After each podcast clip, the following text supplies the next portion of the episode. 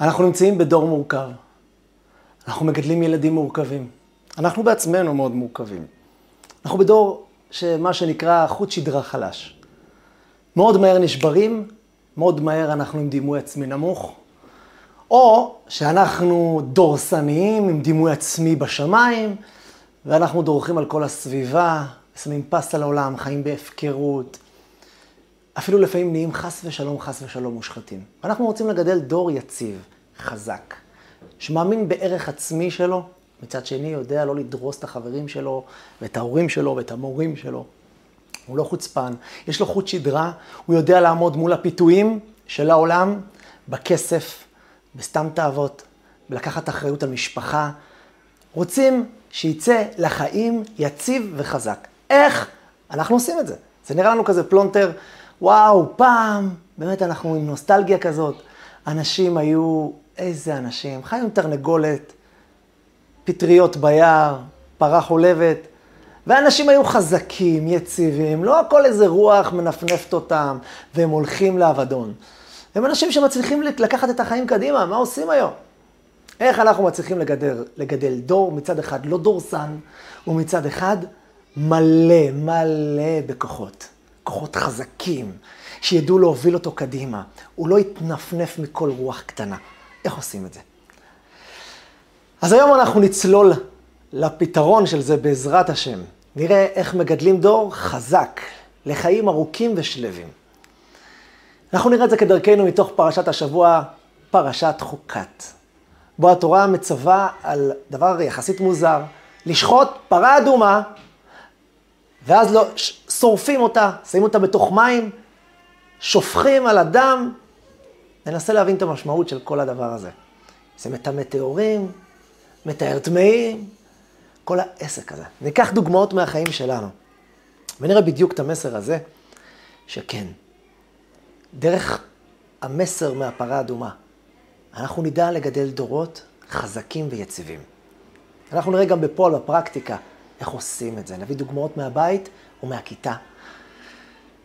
וביחד נצליח לגדל דורות יפים, טובים, חזקים, וגם לא, י... לא יהיה רע, לא יזיק, אם נשתמש בכלים האלה שנלמד היום גם לעצמנו. גם אנחנו צריכים את זה. גם אנחנו אמנם היינו ילדים פעם, אבל אנחנו שייכים לדור של היום. שגם אנחנו צריכים יציבות, יציבות טובה יותר, חזקה יותר. נצלול פנימה. פרשת השבוע, פרשת חוקת. חוק מלשון דבר לא מובן, חוק. חוקה חקקתי, גזרה גזרתי, ואין לך רשות להרהר אחריה, אומר רש"י. הקדוש ברוך הוא מצווה אותנו לקחת פרה אדומה, לשחוט אותה, לקחת את האפר שלה, לשים אותה בתוך מים חיים. הכהן לוקח את זה, משפריץ מזה כמה טיפות על מישהו שהוא טמא, טמא מת, נגע במת, ואז הוא טמא, וכששופכים עליו את המים האלה, משפריצים עליו קצת, הוא נהיה טהור. והכהן שהשפריץ עליו, נהיה טמא. לכן זה נקרא חוק. אתה יכול להסביר את זה? זה דבר מטהר או מטמא? את הכהן זה מטמא, את מי ששפכו עליו זה נהיה טהור, מה הולך כאן? אז יש כאן מסר שאומר הבעל שם טוב הקדוש בספרו כתר שם טוב, דבר מדהים ונפלא. כשאנחנו רוצים לחנך ילד מסוים, איך לחנך אותו? איך אני אצליח לתת לו כוחות לחיים? התשובה היא, ותשמעו את הכלל, זה כלל ברזל, אין בו יוצאים מן הכלל. זה כלל שאולי לפעמים קצת נראה לנו קשה לביצוע, אבל האמת שזה קלה קלות. סך הכל הקושי הוא לא על דרך לחנך ככה, אלא להתאפק, שאנחנו צריכים להתאפק מול הילדים שלנו. הילדים שלנו הם חלשים ולא סתם. זה לא בגלל שכולם אומרים, אה, דור מפונק, הכל בלחיצת כפתור. זה נכון, זה באמת גורם קצת לחולשה, אבל עיקר החולשה היא, הילדים שלנו לא מכירים את עצמם. האמת שגם אנחנו לא מכירים את עצמנו. מי אתה? מי אני? מאיפה אני יודע מי אני? מה הכוחות שלי? הרי אני לא מכיר את הנשמה שלי, הנשמה שלי בתוך גוף. אני מכיר את האף שלי, אבל אני זה לא האף שלי, ואני זה לא הזקן שלי, ואני זה לא החליפה שאני לובש ולא העניבה שאני מלביש. אני זה אני. מי אני? מי הכוחות שלי? מי התכונות שלי? מה הגדרת העצמיות שלי?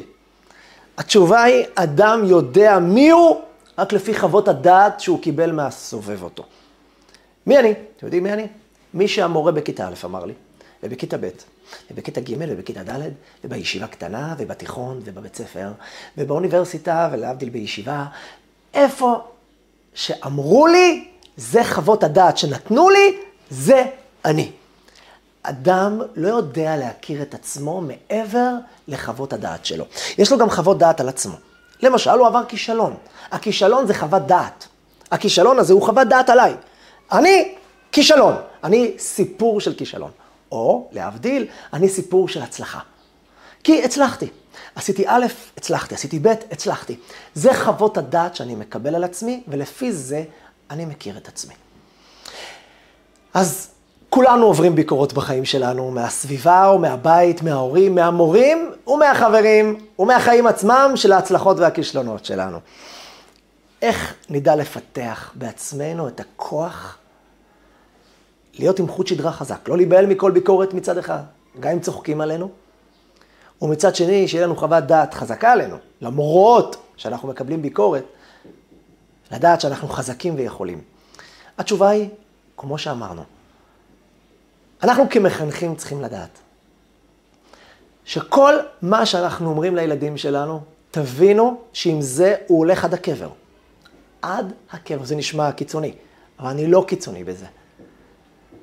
ברוך השם, זכיתי כל כך הרבה שנים לחנך. ואני אומר את זה כחותמת, לא חותמת גומי, חותמת סופית עם פלומבה שלא ניתנת לערעור. מה שאתה אומר לילד שלך, החוויה שאמרת לו, הוא ילך עם זה עד הקבר שלו. זה הוא. הוא מי שאמרת לו. ועם זה הוא הולך כל החיים שלו. ולכן, הדרך שלנו לחנך את הילדים שלנו לעוצמות, זה לדעת לתת להם את הערך העצמי. מי אתה? כשאני מגיע לילד שלי, אפילו אם הוא עשה דבר לא טוב, אז תבינו, הוא חווה כישלון פעמיים. אחד, הוא עשה משהו לא טוב. ותאמינו לי שהילד יודע שהוא עשה משהו לא טוב. אז יש לו חוות דעת מספר אחת. אני עשיתי משהו לא טוב, נכשלתי. ואז מגיע המורה שלו, או ההורים שלו, ונותנים לו חותמת מספר שתיים. למה עשית? תגיד, אתה לא אין לך עיניים, אתה לא רואה מה אתה עושה, מה, מה, מה זה הדבר הזה? וואו, הנה חוות דעת מספר שתיים. ועם החוות דעת האלה הוא הולך למקרה הבא. המקרה הבא שקורה לו, הוא צריך להתמודד מול משהו מסוים, אז יש לו כבר שתי חוות דעת מפרופסורים. מי הוא? אחד, הוא עבר כישלון. שתיים, החוות דעת של המורה או ההורה, והוא נכנס מראש לסיפור השני, עם שתי חוות דעת, עם פלומבה של פרופסורים, והוא מראש כבר נכשל עוד לפני שהוא התחיל. הוא כבר מקבל חותמת מספר שלוש. ואז אנחנו נותנים לו ביקורת, חותמת מספר ארבע, ועם זה הוא הולך למקרה הש... השלישי. וככה על זה הדרך, אלו חוות הדעת לפני כל מקרה ומקרה שאותו הוא עושה. פה נכנס התפקיד שלנו. אנחנו נבנה את חוט השדרה של הילדים שלנו אם נחנך אותם על ידי אור, על ידי עוצמה, על ידי שאתה מספר לילד שלך שהוא מלאך. אבל הוא לא מלאך, מלאך הבלה. זה לא החמוד שלי. אם אתה תספר לילד שלך שהוא מלאך, גם אם הוא לא, הוא יהיה מלאך, כי יש לו חוות דעת. אז נכון, הוא נכשל. הכישלון זז הצידה כשמישהו מבוגר ממנו, בעל סמכות, מי שבעצם נותן לו את חוות הדעת עליו, אומר עליו שהוא מלאך. אז עם החוות דעת הזאת, הוא הולך לסיפור הבא. ההתמודדות הבאה שלו יהיה עם ההרגשה והתחושה, אני מלאך, אני מסוגל ואני יכול. ההורים אוהבים אותי, המורים מאמינים בי, אלוקים סומך עליי. וככה הוא ניגש למקרה הבא. הסיכוי גבוה פי מיליארד שהוא יצליח לעבור אותו.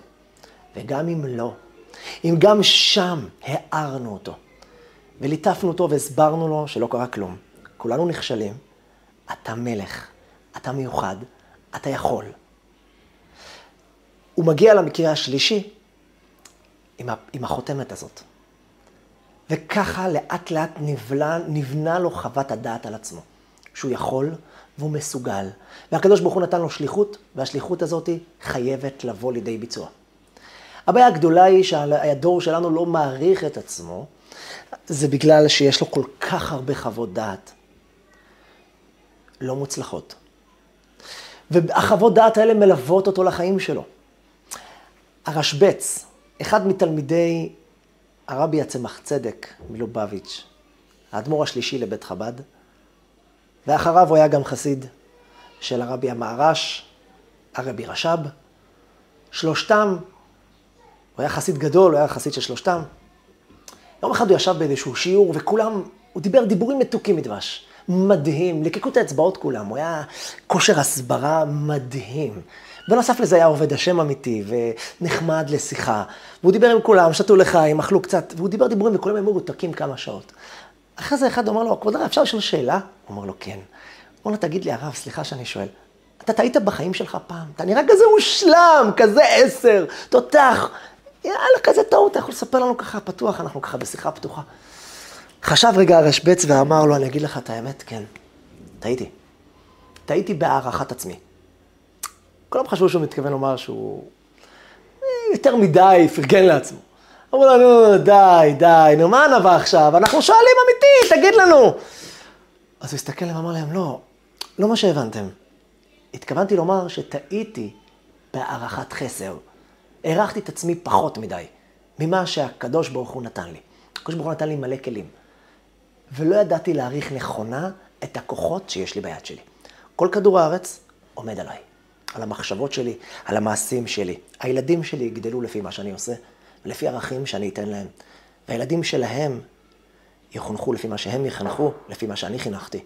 דורות שלמים עומדים עליי, משפחות שלמות, אלפי תלמידים. כן. אני לא מספיק מעריך את העוצמה של המלכות, של ההנהגה, של האין סוף כוחות שבורא עולם שם לכל יהודי ויהודי בחיים שלו. הערך העצמי שלנו נבנה על ידי אם אנחנו מאמינים בכוחות שיש לנו, וכדי להאמין בכוחות שאנחנו, שיש לנו, אנחנו צריכים שמישהו יספר לנו עליהם. ואנחנו כמחנכים והורים, זה מה שאנחנו יכולים לעשות. אנחנו כרגע בתוך השלושים יום של פטירתו של אה, גדול ישראל, רבי גרשון אדלשטיין שליטה. רבי גרשון אדלשטיין שליטה, שאלו אותו, וזה פורסם בווידאוים, שאלו אותו, הרב, הילד שלי לא קם לקריאת שמע בבוקר. יש מצווה דאורייתא לקרוא קריאת שמע בבוקר, יש לה זמן מסוים. הילד שלי לא קם, מה לעשות? איך להעיר לו? איך לגרום לו לקום? אמר לו רב גרשון אדלשטיין, לפני שניגע איך לגרום לו לקום, דבר אחד זה ברור, אתה לא מעיר לו על זה. הילד שלך לא קם, אתה תעיר אותו. הוא לא קם, אתה לא אומר לו על זה מילה אחת של ביקורת. אות אחת לא. כשהוא קם בבוקר, אתה מחבק אותו ומנשק אותו כרגיל. הוא אוכל ארוחה רגילה. אתה מפנק אותו כמו כל הילדים. הכל בסדר. תרומם את הנושא של קריאת שמע. תספר על זה שהוא סיפור, לא באותו רגע, שהוא לא יבין את ההקשר שאתה מחבר ביניהם. תהפוך את זה לחלק מהסט ערכים שאתה רוצה להנחיל. אבל אם אתה תעביר לו ביקורת, דבר ראשון, הוא ישנא אותך. הוא ישנא את הביקורת. הוא ישנא את קריאת שמע. יום אחד הוא גם ישנא את כל מה שאתה מנחיל לו. כי זה הדרך שאתה מעביר לו את הערכים שלו, דרך הביקורת. הוא גם לא יאמין לעצמו למחרת, שהוא ינסה לקום בבוקר. אם הוא ינסה זה רק בגלל הפחד שהוא מפחד ממך. וגם זה, כשהוא יראה שהוא נכשל ויום אחד הוא יגלה שגם הוא לא מפחד ממך כל כך, הוא יזרוק את זה. אם אתה תספר לו, אתה מתוק, אתה מדהים, ויום אחד שהוא כן יקום לקריאת שמע, אתה שם את כל הבית בלונים, ואתה אומר, המלאך שלי הגיע הביתה. ואתה קם ומחבק אותו, מנשק אותו, ומוריד את היד, את הראש, ואומר לו, תברך אותי. הילד שלך יגדל עם כוחות עצומים, ושהוא יאמין בעצמו. הילדה שלי אתמול, יש לי ילדה מתוקה, תודה רבה לבורא עולם, ילדה בת שבע, כמעט. ואתמול היא בירכה, היא הייתה, לקחה איזה אוכל והיא רצתה לברך. היא התחילה כזה את הברכה מאוד בשקט. אה, יכלתי להגיד לה, סליחה, יהודית? ככה לא מברכים. בורא עולם נתן לך אוכל, תברכי על זה בקול. אפילו לדבר בלי צעקות, סתם כביקורת.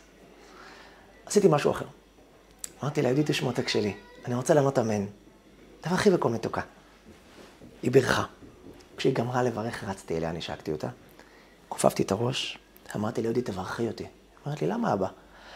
אמרתי לה, צדיקה, בירכת בקול, הברכות שלך מתקיימות. את כמו רבנית הכי גדולה שיש.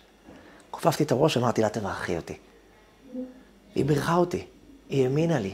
היא האמינה לי שהיא מלאך. כי אני, החוות דעת שלי, היא הקובעת מי היא.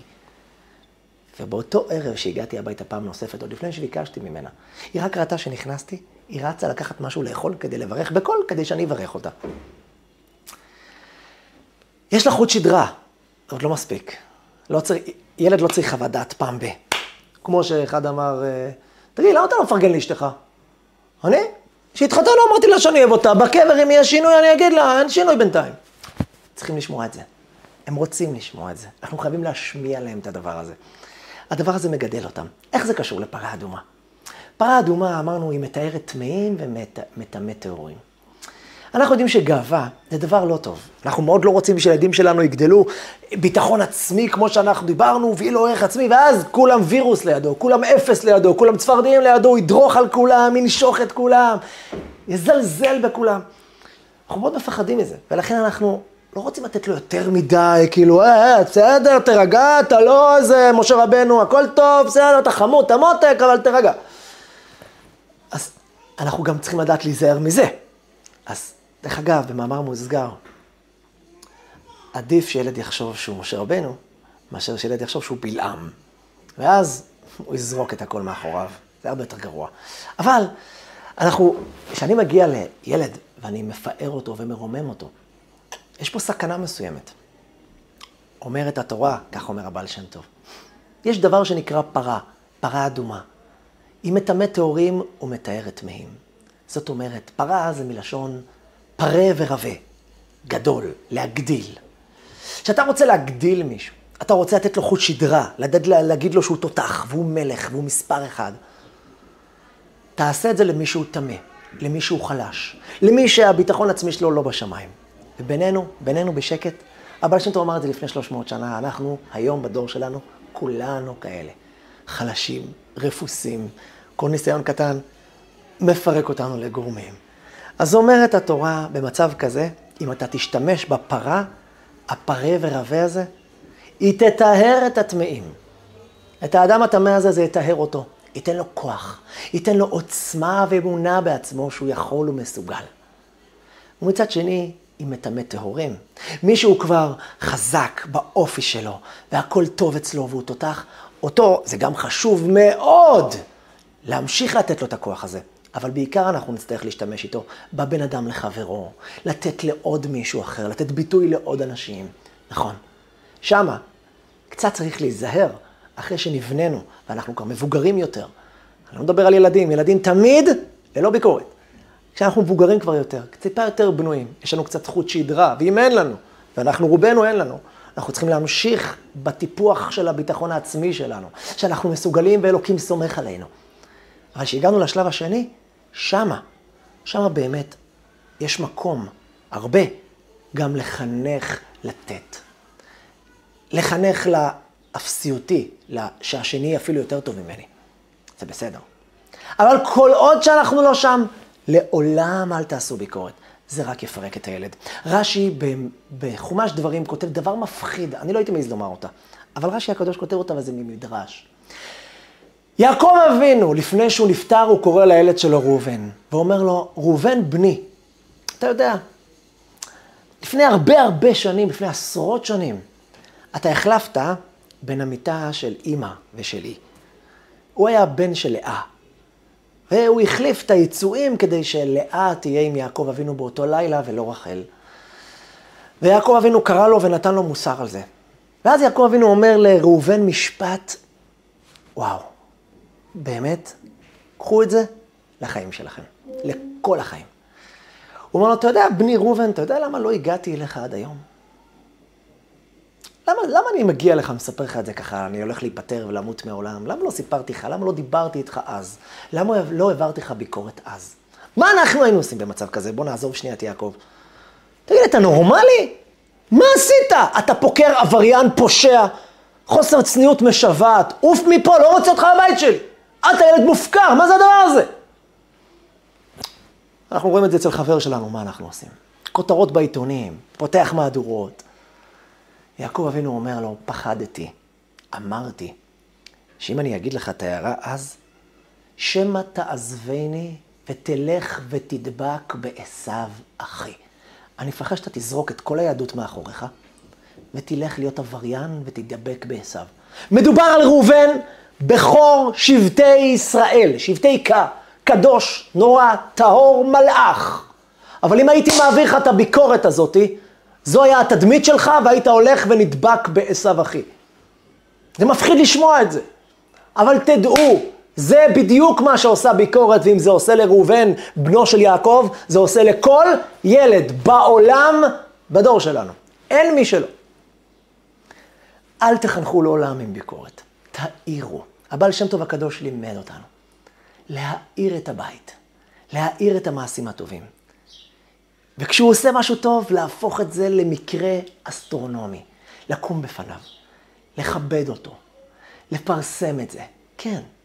אבל מה לפרסם? מה צריך? מה, שיהיה לו גאווה?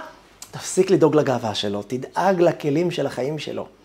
זה מטמא, זה מטהר טמאים. אתה צודק, זה יכול לטמא גם טהורים, אבל כרגע הוא במצב של טומאה. תציל אותו. תדבר איתו דיבורים מהירים, חזקים, טובים, הוא יצליח ככה בחיים שלו. הוא ינצח את מערכת החיים. אז הכלל שלמדנו היום, וזה כלל ברזל, וזה בדיוק כמו שהיה עם ילד אחד בכיתה שלי, שהיה חלש החלשים. בלעת, בטעת. זה המילים שאמרו לי, אני לא, חס ושלום, אני לא אומר ככה. זה המילים שאמרו לי. הוא עציץ בכיתה, אין לך מה לעשות איתו. אבל כשהילד הזה קיבלתי אותו לכיתה שלי, החלטתי שאני לא מסכים לסטיגמה הזאת, וכשהוא הגיע לכיתה שלי, יום אחד הוא שאל איזושהי שאלה באמת, שאלה לא קשורה לכלום, לא קשר בין מה ששאלתי למה שהוא אמר. אבל כשהוא אמר את זה, אני הפכתי את זה לשאלה, וכולם מחאו כפיים. ולמחרת כשהוא נכנס לכיתה קצת באיחור, הוא הגיע עם פתק איחור, ביקשתי מכולם לעמוד כי התלמיד חכם נכנס לבית, לכיתה. והתלמיד חכם הזה ישב בכיתה, וכיוון שאמרתי לו שהוא תלמיד חכם, הוא ניסה קצת להקשיב. וכל מילה שלו, הפכתי את זה לכתר לבורא עולם. מדובר בילד הגאון, וזה תלמיד חכם, איזה תותח, ילדים מחיאות כפיים, טה-טה-טה-טה. כמובן נזהרתי גם לא מדי לעורר קינה אצל ילדים אחרים, אבל מה שקרה הוא שהתברר שהילד הזה, זה נבואה שהגשימה את עצמה. הוא היה ילד גאון. בדיוק כמו שפרופסור רוברט רוזנטל עשה פעם ניסוי מדהים. בניסוי של פרופסור רוזנטל, הוא לקח שלושה קבוצות. הוא לקח קבוצת ילדים ענקית, בדיוק אותו דבר, פחות או יותר אותו רמה. חילק אותם לשלושה קבוצות, נתן אותם לשלושה כיתות, שלושה מורים. למורה, אחד, הוא אמר לו, תקשיב, הכיתה שלך, וואו, אני מה זה מרחם עליך, הבאתי לך כיתה מה זה קשה. כיתה קשה, ילדים חלשים, לא משהו. ואז הולך למורה השני, הוא אומר, תשמע, הכיתה שהבאתי לך כיתה בסדר, חמוד, חמוד, חמוד, כיתה בינונית, בסדר. והמורה השלישי הוא מגיע, וואו, איך אני מקנא לך? הבאתי לך כיתה גאונית, מאז שקם פה הבית ספר. לא יודע אם אי פעם יהיה כזה כיתה מוצלחת. כולם פה אחד-אחד. אחרי שנה הוא נפגש עם המורים האלה, והוא שומע רישומים, דוח מפורט על הכיתה. כיתה מספר א', המורה מגיע עם פרצוף חמוץ, מה, עבודה לא פשוטה. עבודה לא פשוטה, תקשיב, כיתה קשה. היה לא פשוט העניין, צלחנו את השנה הזאתי, הצלחתי קצת להרים אותם לכמעט בינוניים. כמעט. הוא מגיע לכיתה השנייה, והוא אומר לו, כן, וואלכ, אתה, אתה צדקת, פרופסור. באמת, כיתה רגילה, טובה, חמודה, נהניתי, נהניתי, נהניתי, נהניתי. הוא מגיע למורה השלישי, והמורה השלישי אומר, וואי, אללה, מה זה הכיתה הזאת? גאונים! מה זה תותחים? אש, כולם פה אחד-אחד, אחד-אחד, כולם פה יהלום. מסתבר שזו נבואה שהגשימה את עצמה מסיבה פשוטה. כי אם זה מה שאנחנו מספרים לילדים, אם זה הילדים הולכים וזה חוות הדעת שלהם. התלמיד שלי נהיה ילד גאון. הילד הזה פשוט, מישהו סיפר לו שהוא מלאך, גם אם הוא לא היה כזה. ותדעו לכם, שהאמת שכל הילדים שלנו הם כן מלאכים בפוטנציאל. ואם אנחנו מספרים להם, סך הכל מממשים את הפוטנציאל שבורא עולם נתן להם. כי בורא עולם שם אותם פה. סימן שיש להם את הפוטנציאל הזה. לכו על זה. אתם תראו, נפלאות.